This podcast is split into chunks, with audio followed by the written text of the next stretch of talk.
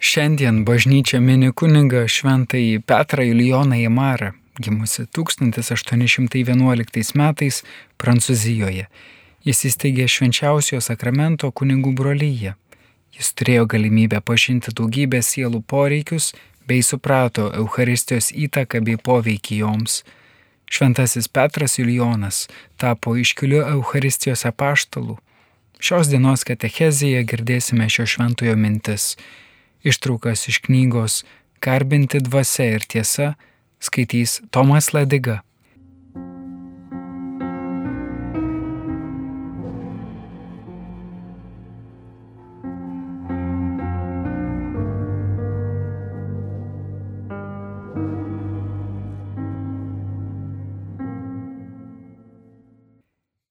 Mūsų pasirengimas Euharistijai turi semtis įkvėpimo iš Jėzaus pasirengimo.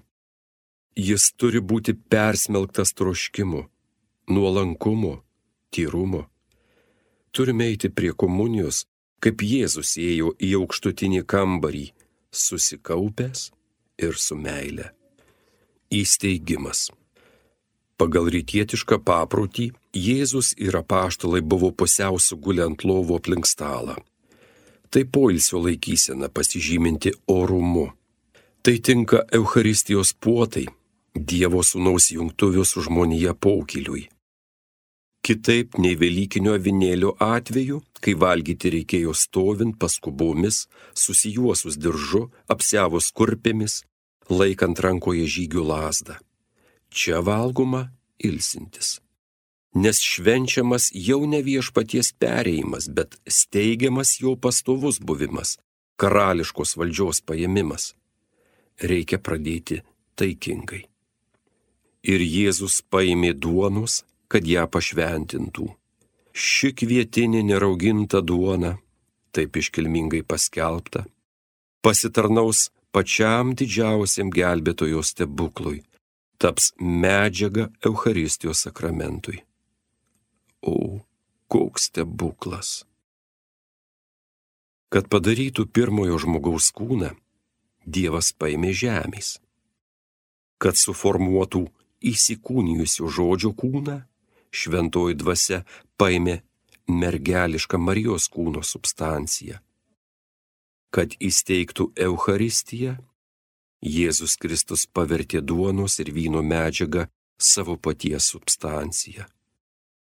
Kvietys yra pats tyriausias žemės vaisius, mažiausiai gendantis. Jis yra maisto medžiagų karalius Ašero kviečiai, gėdojo Jokūbas, duoda gardžios duonos, tiekia karaliams skanėstus. Iš pradžios knygos 49 skyrius 20 eilutė. Jėzus Kristus yra krikščionių kvietys. Kad taptų mums gyvąją duoną, šis iš dangaus nužengęs kvietys subrendo žemėje šildomas gražiaus malonės saulės paskui iškultas, sumaltas, kančiaus skausmuose jis atgyjo kape, iš kurio išžengė šlovingas. Tai mūsų Euharistija. Paskutinės vakarienės kambario Euharistija buvo meilės atnašavimas. Mūsiškiai yra jo mirties ir prisikėlimo vaisius. Savo ruoštų krikščionis turi būti Jėzaus Kristaus kviečiu kaip nuostabiai yra pasakęs kankinys šventasis Ignotas Antiochietis. Per Eucharistiją jis ne tik gyvens per Jėzų Kristų, bet ir dėl jo ir bendrų darbų prisidės prie jo gyvenimo sielose. Nuolatinumas. Eucharistija yra nuolatinė dovana, dovanojama pasauliu Jėzaus Kristaus. Pati jo meilė to nori, jo šlovė to reikalauja. Meilė turi du pagrindinius priešus - išsiskyrimą ir mirtį. Tai tarsi liepsna be žydinių. Niekas net laiko šito išbandymu. Viešpats tai žinojo. Todėl jo paminklas yra ir ženklas, ir ženklinama tikrovė. Tai jis pats, paslėptas be abejo, tačiau kupinas gyvybės, malonės ir meilės, koks jis yra danguje. O kaip krikščioniška širdis gaivinama gyvo tikėjimu, jaučia savo Dievo buvimą matydama garbingąją ostiją. Tas, kas neturi tikėjimo arba turi tik labai silpną tikėjimą, lieka nejautrus. Numirėlis nejaučia ugnies. Meilė taip pat nori lygybės. Argi Jėzus Kristus neturėtų duoti visiems to, ką davė keletui? Eucharistija yra jo testamentas. Jo širdis negali atimti palikimo nei iš vieno jo vaiko, nes visi buvo pagimdyti ant kryžiaus. Argi jis nepasakė prisiekdamas, jeigu nevalgysite mano kūno ir negersite mano kraujo, neturėsite gyvybės savyje iš Evangelijos pagal Joną 6 skyriaus 53 eilutį. Jis mums turi duoti tos gyvosios duonos, kuri pasėja mumyse šlovingojo prisikėlimo užuomasgą. Jo šlovė taip pat reikalauja, kad būtų šitaip. Karalius pats pasilieka savo pavaldinių tarpe, tėvas savo vaikų tarpe. Jeigu šitonas vadovauja blogio armijai, Argi Jėzus Kristus neturi būti gėrio kareivėjų vada žemėje? Taip, Euharistija yra kovos būstinė. Ji yra krikščionių arsenalas, kur jie gauna ginklų, ant gamtinių jėgų, kad išguitų laukščio pasaulio kunigaikštį ir užtikrintų dieviškos taikos kunigaikščio pergalę. Realus buvimas. Jėzus Kristus buvo preikštas pasauliui per dvigubą liudėjimą. Vieną išorinį Jono Krikštitojo, kitą asmenišką jo paties darbų liudėjimą. Jėzus Kristus Euharistijoje apreiškiamas pasauliui lygiai taip pat per bažnyčios ir per savo paties liudijimą. Pirmasis yra tikėjimo pagrindas, antrasis - meilės. Bažnyčios liudijimas. Jono misija buvo paskelbti ir parodyti mesiją žydams, sakyti, ruoškite viešpačiui kelią, jūsų tarpe yra tasai, kurio jūs nepažįstate, štai Dievo vinėlis. Tai atlikus pirmtako žvaigždė nusileido, patekėjo saulė. Bažnyčios misija yra tokia pat kaip Jono Krikštytojo - atskleisti ir parodyti dar daugiau - duoti Jėzų Kristų. Tai platesnė misija, ji apima visą pasaulį. Tai pastovesnė misija, ji užsibaigs tik laikų pabaigoje, nes Jėzus Kristus lieka paslėptas iki pat savo šlovės dienos paskutiniojo teismo metu. Tai šlovingesnė misija, ji leidžia triumfuoti Jėzaus Kristaus meiliai. Kalbant apie Euharistiją, bažnyčia preiškia viešpatį švenčiausiame sakramente savo žodžiu ir tikėjimu. Bažnyčia laikydama rankoje Evangeliją, dievišką į Jėzaus Kristaus žodį, kad dieviška šių sakramentinių žodžių, suprantamų natūrale ir tiesioginė prasme, gale Jėzaus Kristaus tikrai, realiai ir substancialiai yra švenčiausiajame altoriaus sakramente duonos ir vyno pavydalu kad Jėzus Kristus savo gale perkeitė duonos ir vyno substanciją į savo paties kūną ir kraują, su kuriais yra neatsiejamai sujungta jo siela ir dievystė, kad transubstancijos stebuklas stebuklų stebuklas nuolatos išlieka bažnyčioje per katalikišką kunigystę, apdovanota tomis pačiomis galiomis, kaip pats Jėzus Kristus, remiantis jo žodžiais, darykite tai mano atminimui. Ir nuo pirmosios vakarienės iki mūsų dienų šventoji bažnyčia nuolat lieka balsu, šaukiančių pasaulio platybėse. Tarp jūsų yra tasai, kurio jūs nepažįstate. Pasiruoškite susitikimui su viešpačiu. Būtent čia gyvena Dievo avinėlis. Apaštalai turėjo tą patį balsą, bažnyčios mokytojai tą patį mokymą, jos vaikai tą patį tikėjimą, tą pačią meilę paslėptajam Dievui, Eucharistijos Dievui. Koks didingas aplink tabernakulį susibūrusios krikščionių tautos balsas, kokia graži ir jaudinanti jo šlovinamų ir meilės harmonija. Kiekvienas nori sudėti prie dieviškojo karaliaus kojų pagarbaus duoklę, meilės dovanas, kas aukso, kas miros, visi smilkalų, kiekvienas nori turėti savo vietą Euharistijos Dievo svitoje. Netgi bažnyčios priešai, atskilėliai, eretikai, išskyrus kai kurias sektas, tiki, skelbia, garbina Jėzaus Kristaus buvimą Euharistijoje Juk žmogus turi būti tikrai aklas, kad neiktų Saulės egzistavimą, tikrai bedievis, kad atmestų Jėzaus Kristaus dievystę, tikrai nedėkingas, kad paniekintų jo meilę, kuri nuolatos per sakramentą pasilieka žmonių tarpe. Bažnyčia preiškia Jėzų Kristų švenčiausiajame sakramente ne tik žodžiu, bet ir rodo jį savo praktiniu tikėjimu. Jonas Krikštytojas vos atpažino Mesiją, tuo jau pat puolė jam po kojų visos tautos akivaizdoje. Iš pradžių atsisakė jį krikštyti, prisipažino esas nevertas netgi trišti jo kurpių dirželį. Taip ir bažnyčia neapsiriboja mokymu apie Jėzų Kristų. Jį rodo, garbina jį savo liturgiją. Bažnyčia garbina Jėzų Kristų pasislėpusi šventojoje ostijoje. Ji teikia jam dievišką pagarbą, klaupiasi, puolant žemės priešai švečiausiai sakramentą, kaip dangiškųjų rūmų gyventojai priešais avinėlių saustą.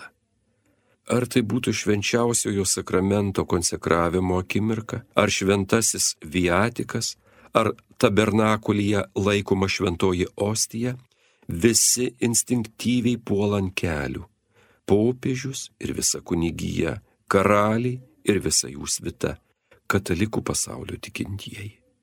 Tai jų karalius, jų dievas pasirodo arba praeina. Neatremiamas argumentas yra matyti šventąjį priešai švenčiausiai sakramentą, imi garbinti kartu su juo. Bažnyčia pagerbė Jėzų ostiją kultu, vertų jos tikėjimu. Nuostabios šventovės tai yra tik išraiška, tik poreikis jos tikėjimo švenčiausiojo sakramentu. Ji panoro statyti ne antkapius, bet šventovės, dangų žemėje, sostą, kur gelbėtojas būtų savo deramoje, garbingoje vietoje. Čia viskas sutelkta į altorių, kaip spinduliai į centrą, tarnai į savo karalių. Bažnyčia niekam nepalieka teisės administruoti savo dieviškojo sutuktinio kulto. Ji pati vadovaujama savo tikėjimo prakilnumo ir meilės įkvėpimo, remdamasi savo autoriteto pilnatve, reaguoja, tvarko, sankcionuoja Eucharistinę liturgiją iki smulkiausių detalių. Mat viskas yra didu, viskas yra šventa, viskas yra dieviška, kai kalbama apie Jėzų Kristų. Ji nori, kad viskas, kas materijoje yra tyriausio, kas pasaulyje yra brangiausio, kas visuomenė yra nuostabiausio, būtų panaudota karališkai Jėzaus Kristaus tarnybai.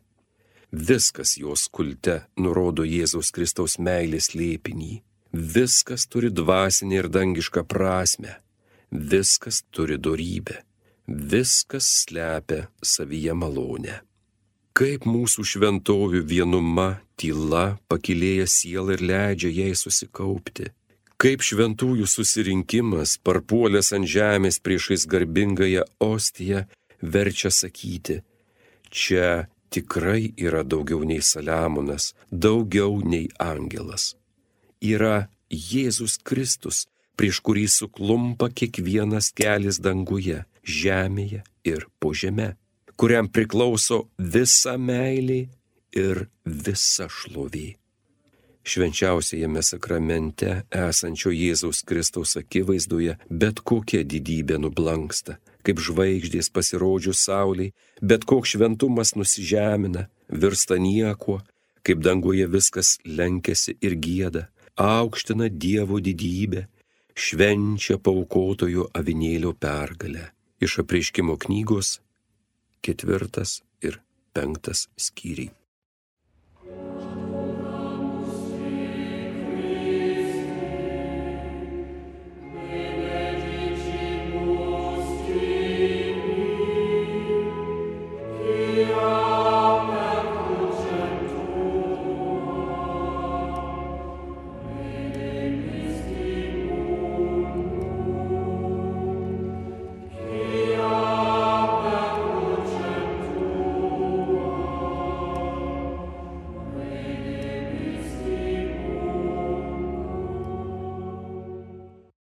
Jėzaus Kristaus liudijimas. Bažnyčia mums sako, Jėzus Kristus substancialiai yra šventojoje ostijoje. Be to, jis pats joje pasirodo dviem būdais - vidujei ir viešai. Vidinis apsiriškimas įvyksta komuniją priimančiame žmoguje, kuriame Jėzus padaro trigubą stebuklą. Perauklėjimo stebuklas. Jėzus Kristus gerai nusiteikusiam žmogui, primančiam komuniją, leidžia įgauti užtikrintą valdžią aistroms.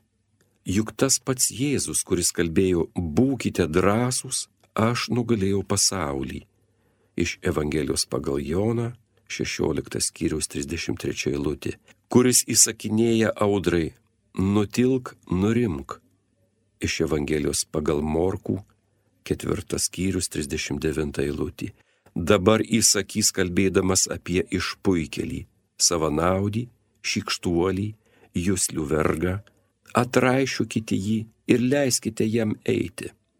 Šventasis tridento susirinkimas moko, kad Euharistija yra priešnudis, apsaugantis nuo mirtinų nuodėmių ir išlaisvinantis iš kasdienių kalčių. Šventasis Jonas Auksaburnis tikina, kad krikščionis, pakilęs nuo šventojo stalo, velniui kelia siaubą jį gaivinančios dieviškos meilės ugnies skaidrumu. Priimantis komuniją viduje pasijunta stipresnis. Kartu su šventuoju Pauliumi jis gali tarti. Visą mes lengvai nugalime per tą, kuris mus pamilo. Iš laiško romiečiams 8 skyriaus 37 eilutė. Jeigu Jėzus Kristaus nebūtų šventojoje ostijoje, tokie dideli pasikeitimo stebuklai negalėtų įvykti per tokį trumpą laiką. Prigimti lengviau suformuoti negu perauklėti. Žmogui prireikia daugiau pastangų pasitaisyti, nugalėti save, negu daryti didvyriškiausius gerus darbus. Įpratimas - antras prigimimas. Paprastai tik Euharistija suteikia žmogui tokią visagalę malonę, tokią didelę pergalę. Čia gera proga tarti kartu su šventuoju Pauliumi. Šlovė Dievui, kuris mums duoda pergalę viešpatyje Jėzuje Kristuje. Iš pirmojo laiško kuriantiečiams 15 skyrius 57 eilutė. Perkeitimo stebuklas. Yra tik viena dieviška gale, tik viena malonė pajėgianti pašventinti žmogų, perkeisti jo prigimtinį gyvenimą į antgamtinį. Tai Euharistijos triumfas, tai Jėzus Kristus, pats krikščioniškai auklėjantis žmogų. Tai dvasios ugdymas tiesoje. Per krikštą žmogus gauna tikėjimo darybės užuomasgą. Čia jis gauna jos vystymą. Jis auga ir ragauja apreikštąją tiesą. Per kitus sakramentus jis gauna ypatingas malonės. Tai spinduliai. Čia jis džiaugiasi saulė pačiu įstatymų leidėju. Tai valios ugdymas Jėzaus Kristaus darybė. Kiek daug yra entuzijazmo kupinų tekstų, kur bažnyčios tėvai ir mokytojai aukština Euharistijos teikiamą jėgą gydyti sielos, ypač valios silpnybėms. Šventasis Kiprijonas rašo, ši supersubstanciali duona yra sielos gyvybė ir šventumas. Jėzus Kristus davė mums šį gėrimą, kad tokio vaisto gale mus visiškai pasmerktų, kad išvarytų viską, kas priešinasi gėriui ir kad atnaujintų, išgydytų viską, kas mūsų kūne ir sieloje dar yra likę gendančio iš senojo gyvenimo. Šventasis Jonas Auksaburnis tvirtina, šis stalas yra mūsų sielos stiprybė, mūsų minčių jėga, mūsų pasitikėjimo palaikymas. Jis yra mūsų artuma, viltis, išgelbėjimas, šviesa, gyvenimas. Šventasis Bernardas kalbėjo, jeigu kas nors rečiau ir netaip stipriai patiria pykčio, pavydo, geismo ir kitų aistrų judėjimą, tegul dėkoja Jėzaus Kristaus kūnui ir kraujui, nes būtent šio sakramento gale veikia jame ir tegul džiaugiasi matydamas, kad piktybinės žaizdos jau gyja. Tai širdies ugdymas. Euharistija apvalo, sutaurina, pakilėja meilę į patį didžiausią tobulumą. Ji išmoko mylėti, kaip motina moko savo vaiką. Dieviška meilė išliejama mūsų širdyse. Meilė tai grynas, nesavanaudiškas, ištikimas savęs dovanojimas. Meilė tai saldus gyvenimo mainai. Ne aš gyvenu, bet Kristus gyvena manyje, kalbėjo šventasis Paulius iš laiško filipiečiams, pirmos skyrius 21 eilutė.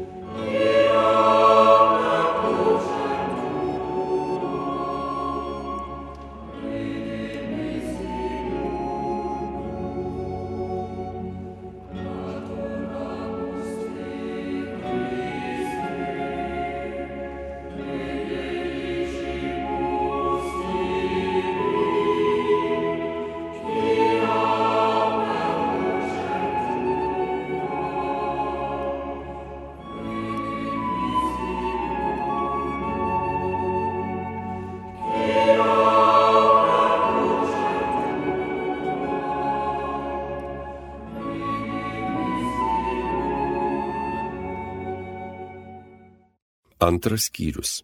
Praktinis adoracijos vadovas. Jėzus amžinai gyvas ir užtariamus. Iš laiško žydams 7 skyrius 25 eilutį. Šventoji mišių auka yra pati aukščiausia maldos forma. Jėzus Kristus joje atnašauja save tėvui, jį garbina, jam dėkoja, atsiteisė ir užtarė savo bažnyčią, užtarė žmonės, savo brolius ir vargšus nusidėjėlius. Šią garbingą maldą Jėzus nuolatos tęsia būdamas atnaša Euharistijoje. Tad junkimės į viešpaties maldą, melskimės minėdami keturis šventosios aukos tikslus. Ši malda apibendrina visą tikėjimą ir apima visų darybių veiksmus. Apie garbinimą. Eucharistinio garbinimo akto dieviškasis objektas yra begalinis Jėzaus Kristaus tobulumas pats savaime vertas visokios pagarbos ir šlovės. Tad junkitės prie dangaus gyventojų šlovinimo, kai parpuoliant žemės priešai savinėlio sostą jie susižavėję šaukia. Sėdinčiajam soste ir avinėliui tebūnie gyrius ir pagarba ir šlovė ir valdžia per amžių amžius. Iš apreiškimo knygos 5 skyrius 13 eilutė. Kartu su 24 vyresniaisiais, kurie pagerbė avinėlį, mesdami jam po kojomis savo karūnas, išreikškite pagarbą padėdami prie Eucharistinio sosto papėdės visą save, visus savo gebėjimus ir darbus tardami - tau vienam meilį ir šlovė. Tuomet įsižiūrėkite, kokia didi yra meilė Jėzaus, įsteigiančių, dauginančių, iki pasaulio pabaigos palaikančio Eucharistiją. Žavėkitės jo išmintimi, atsiskleidžiančia šiame dieviškajame išradime, kuris žavi net angelus. Šlovinkite jo galybę, kuri įveikė visas kliūtis. Aukštinkite jo gerumą, kuris nustatė visas sakramento dovanas. Pasiduokite džiaugsmų ir meilės protrukiams, matydami, kad jūs patys esate paties didžiausio ir švenčiausio sakramento tikslas. Juk Jėzus Kristus vien dėl jūsų būtų padaręs tai, ką padarė dėl visų. Kokia meilė, kai esate nepajėgus garbinti Jėzų sakramentą taip, kaip jis to nusipelno, šaukitės savo angelo sargo, ištikimo jūsų gyvenimo palidovo pagalbos. Jis bus laimingas galėdamas žemėje su jumis daryti tai, ką turės daryti kartu su jumis amžinojoje šlovėje. Garbinkite per šventąją bažnyčią tą Dievą, kurį ji jums patikė, atstovaudami jai prie jo kojų. Vienykitės su visų maldingų sielų garbinimu visoje žemėje, su angelų ir šventųjų garbinimu danguje, bet ypač su Marijos ir Juozapo garbinimu anuomet, kai vieninteliai turėdami pasislėpusi Dievą, jie buvo jam ne tik visa jo šeima, bet ir visa svita. Garbinkite Jėzų per jį patį. Tai pats tobuliausias garbinimas. Jis yra Dievas ir žmogus, jūsų gelbėtojas ir brolis tuo pat metu. Garbinkite dangišką į tėvą per jo sūnų, kuriuo jis gėrisi. Tuomet jūsų garbinimas bus tiek pat vertingas, kiek Jėzaus garbinimas. Tai bus jo garbinimas.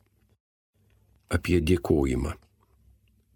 Dėkojimas yra pats saldžiausias sielai ir pats maloniausias Dievui meilės aktas.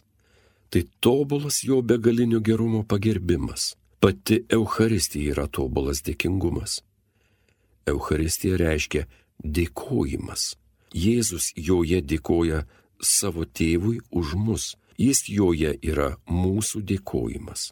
Tad dėkokite Dievui tėvui už tai, kad jums davė savo dieviškai sūnų ne tik kaip brolį per įsikūnymą, kaip tiesos mokytoja, kaip gelbėtoja ant kryžiaus, bet ypač kaip jūsų Euharistija, gyvenimo duona, be prasidedantį jūsų dangų.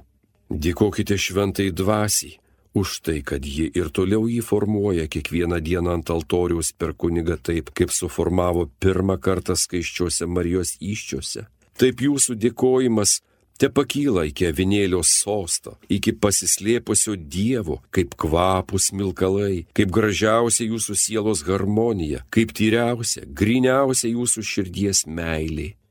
Dėkokite nuolankė širdimi kaip Elsbieta Marijos ir įsikūnijusio žodžio akivaizdoje. Dėkokite šokdami, kaip Jonas Krikštytoje šoko, pajutęs prisertinant savo dievišką įmokytoją, būdamas kaip ir jis pasislėpęs savo motinos iščiose. Dėkokite su džiaugsmu ir dosnumu kaip Zachiejus, primdamas Jėzų savo namuose. Dėkokite kartu su šventaja bažnyčia, su visa dangiškąja svita, O kad jūsų dėkojimas galėtų būti nuolatinis ir visą laiką auktų, elkitės kaip danguje.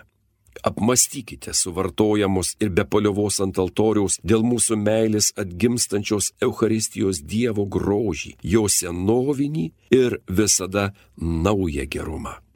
Įsižiūrėkite jo sakramentinį buvimą, aukas, kurias jis paukojo, pradedant paskutinę vakarienę ir iki pasiekė jūs, kovas, kurias jam teko iškovoti prieš savo paties šlovę, šitaip nusižemindamas iki nebūties ribos, kad paukotų savo laisvę, savo kūną, patį savo asmenį. Ir jis Tai padarė nereikalaudamas jokių išlygų, nei laiko, nei erdvės požiūrių, bet atidavė save žmonių meiliai, lygiai kaip ir neapykantai, neturėdamas jokios kitos apsaugos išskyrus savo meilę.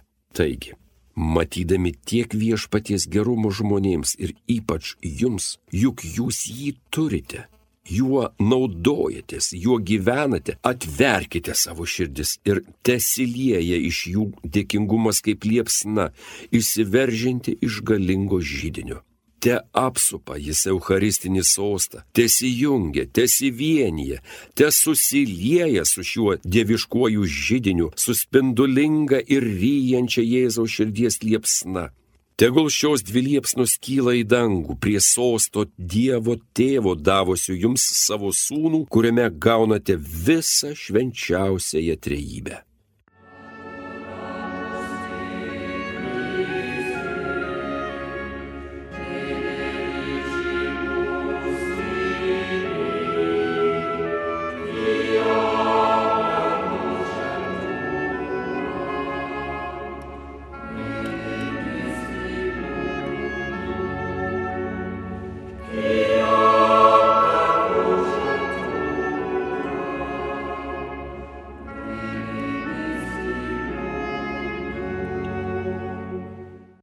Apie atsiteisimą.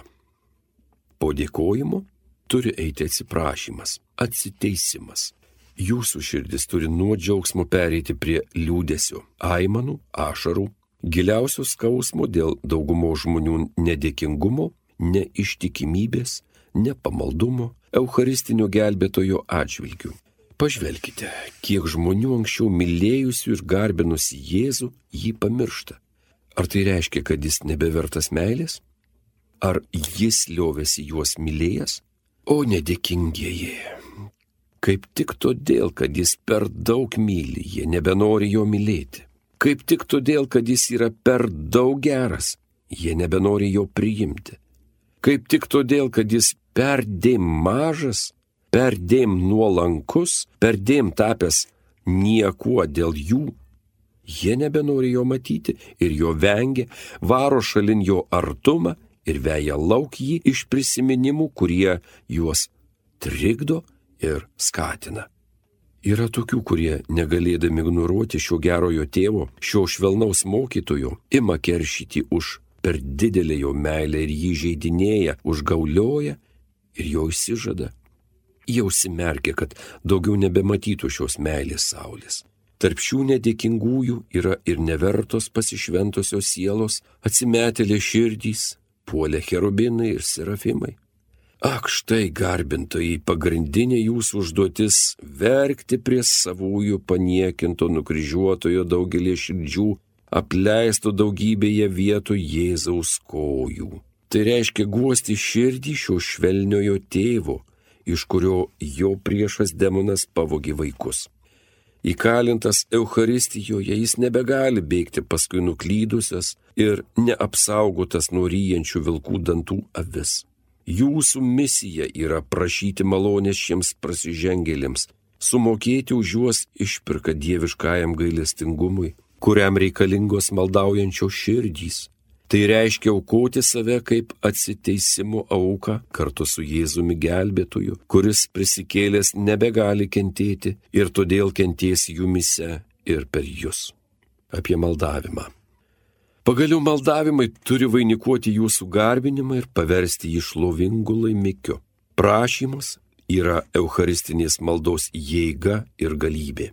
Ne kiekvienas gali skelbti Jėzų Kristų žodžiu ar tiesiogiai darbuotis dėl nusidėjėlių atsivertimo bei sielų pašventimo, tačiau visi garbintojai gali vykdyti Marijos misiją prie Jėzaus kojų. Tai apaštališka maldos misija ir pirmiausia kulto didybės lydimos Eucharistinės maldos priešais malonės ir gailestingumo sostą.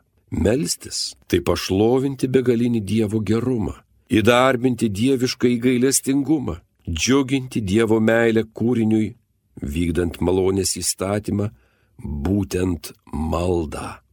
Taigi malda žmogui yra didžiausias Dievo pašlovinimas. Malda yra didžiausia žmogaus darybė. Ji yra visos darybės, nes yra visų darybių paruošiama ir iš jų visų sudaryta. Tikėjimas tiki, viltis meldžia, meilį prašo, kad galėtų duoti. Širdies nulankumas sudėlioja maldo žodžius, pasitikėjimas ją ištaria, ištvermė nugali patį Dievą.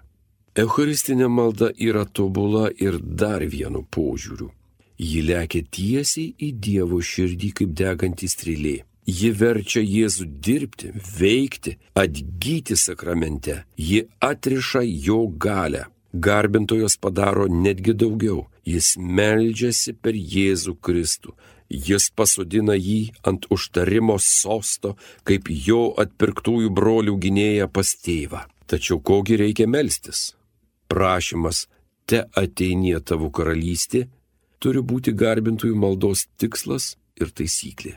Jie turi melstį, kad Jėzus Kristus tiesos šviesa nušviestų visus žmonės ir prašyti, kad jie sugrįžtų į tikrąjį tikėjimą ir tikrąją meilę. Jie turi melstį, kad Jėzaus švelnumas viešpatautų jo tikinčiuosiuose, vienuoliuose, kuniguose, įdant jis gyventų juose per meilę. Jie ypač turi melstis už popiežių, visomis savo širdies intencijomis už vietos vyskupą, už viską, ko jis uoliai trokšta, už visus vyskupijos kunigus, kad Dievas laimintų visus jų apaštalavimo darbus ir uždegtų juos uolumu jo šloviai ir meilė bažnyčiai. Kad padarytų savo maldą įvairesnę, Garbintojai gali perfrazuoti sekmadienio maldą, maldingąją Jėzaus vardo litaniją arba gražiąją šventojo Ignaco Lojolos maldą. Kristaus siela, pašventink mane, Kristaus kūne, išgelbėk mane, Kristaus kraujau, apsvaigink mane, vandenį iš Kristaus šauno, nuplauk mane, Kristaus kančia, pastiprink mane, o gerasis Jėzau, išklausyk mane, savo žaizdose paslėpk mane, neleis, kad būčiau atskirtas nuo tavęs, nuo priešų, apgimk mane, mirties akimirką, pašauk mane, liepk man ateiti pas tave, kad su tavo šventaisiais šlovinčiau tave per amžių amžius. Amen. Garbintojai, te nepasitraukia nuo savo dieviškojo mokytojo, nepadėkoja už meilės susitikimą. Tegul jie atsiprašo už savo įsiblaškimą ir nepagarbumą. Tegul paukoja jam kaip ištikimybę ženklą darybę žiedą, puokštę nedidelių pasiaukojimų. O paskui tai išeina kaip iš paskutinės vakarienės menės, kaip angelas pasišalina nuo Dievo sosto, kad skrietų vykdyti jo dieviškų įsakymų. Garbinimo metodas paremtas keturiais šventųjų mišių aukos tikslais. Adoracijos valanda suskirstoma į keturias dalis. Per kiekvieną ketvirtį valandos pagerbėme viešpati vienu iš keturių šventosios aukos tikslų - garbinimu, dėkojimu, atsiteisimu ir maldavimu. Pirmasis ketvirtis - garbinimas. Pirmiausia, pagarbinkite viešpatį jo dieviškajame sakramente išoriniu kūno gestu. Atsiklaupkite, kai tik pamatote Jėzų garbingoje ostijoje. Pulkite veidų žemėn priešais jį su didžiausia pagarba, taip išreikšdami savo priklausomybę ir meilę. Garbinkite jį, vienydamiesi su rytų išminčiais, kai jie parpuolė garbino Dievą kūdikį, paguldytą kuklioje prakartėlėje ir pridengtą varganais vystyklais. Po šio tylaus ir spontaniško pagarbos akto garbinkite viešpatį išoriniu tikėjimo aktu. Šis tikėjimo aktas yra labai naudingas, nes atveria mūsų jutimus, širdį ir dvasę eucharistiniam pamaldumui. Jis jums atvers Dievo širdį ir jos malonės lobius. Reikia jo ištikimai laikytis ir atlikti jį šventai bei pamaldžiai. Tuomet atnašaukite Jėzui Kristui visą save. Išvardykite visas savo sielos gebas, protą, kad geriau jį pažintų, širdį, kad jį mylėtų, valią, kad jam tarnautų, kūną ir įvairias jūsles, kad išlovintų kiekvieną savo būdu. Ypač atnašaukite jam savo mintis, norėdami, kad dieviškoji Euharistija būtų karališkoji jūsų gyvenimo mintis, savo jausmus, vadindami Jėzų savo širdies karaliumi ir Dievu, savo valią, nenorėdami daugiau jokio kito įstatymo, jokio tikslo, išskyrus tarnavimą jam. Jo meilę ir šlovę, savo atmintį, kad prisimintumėte vien tik jį ir taip gyventumėte vien tik juo, per jį ir jam. Kadangi jūsų garbinimas netobulas, jungkite jį su švenčiausiosios mergelės garbinimu Betliejuje, Nazarete, ant Kalvarijos kalno, aukštutinėme kambaryje ir prie tabernakulio.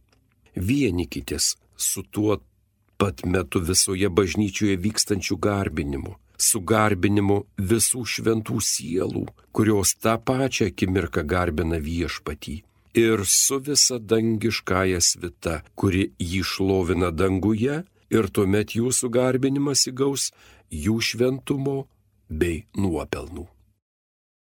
Antrasis ketvirtis - dėkojimas. Garbinkite ir šlovinkite begalinę Jėzaus meilę šiame jo sakramente kad nepaliktų jūsų vienišais našlaičiai šioje tremties ir vargo žemėje. Jis atėjo iš dangaus asmeniškai dėl jūsų, kad palaikytų jums draugiją ir būtų jūsų guodėjas. Todėl dėkokite visą savo meilę ir visomis jėgomis, dėkokite vienydamėsi su visais šventaisiais. Žavėkitės tuo, ką jis paukoja būdamas sakramento pavydalu.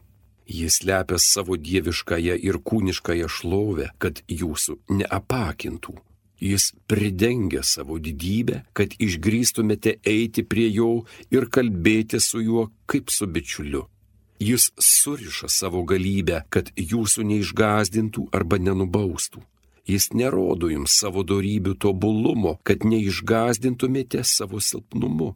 Jis netgi tvardo savo širdies ir meilės jums karštumą, nes jūs negalėtumėte pakelti tos jėgos ir švelnumo. Jis leidžia jums matyti tik savo gerumą, kuris persismelkia, pasimato per duoną ir vyną, kaip saulės spinduliai prasimuša pro ploną debesį. Iš ties, koks geras yra sakramentinis Jėzus. Jis priima jūs bet kurią dienos ar nakties valandą. Jo meilė niekada nesiilsi. Jis visada kupina švelnumo jums Jis pamiršta jūsų nuodėmės ir netobulumus, kai ateinate su juo susitikti ir išsako jums tik savo džiaugsmą, švelnumą ir meilę. Kai jis jūs priima, atrodo, jam reikia jūsų, kad galėtų būti laimingas. Ak, dėkokite gerajam Jėzui išliedami visą savo sielą. Dėkokite tėvui už tai, kad davė jums savo dievišką įsūnų.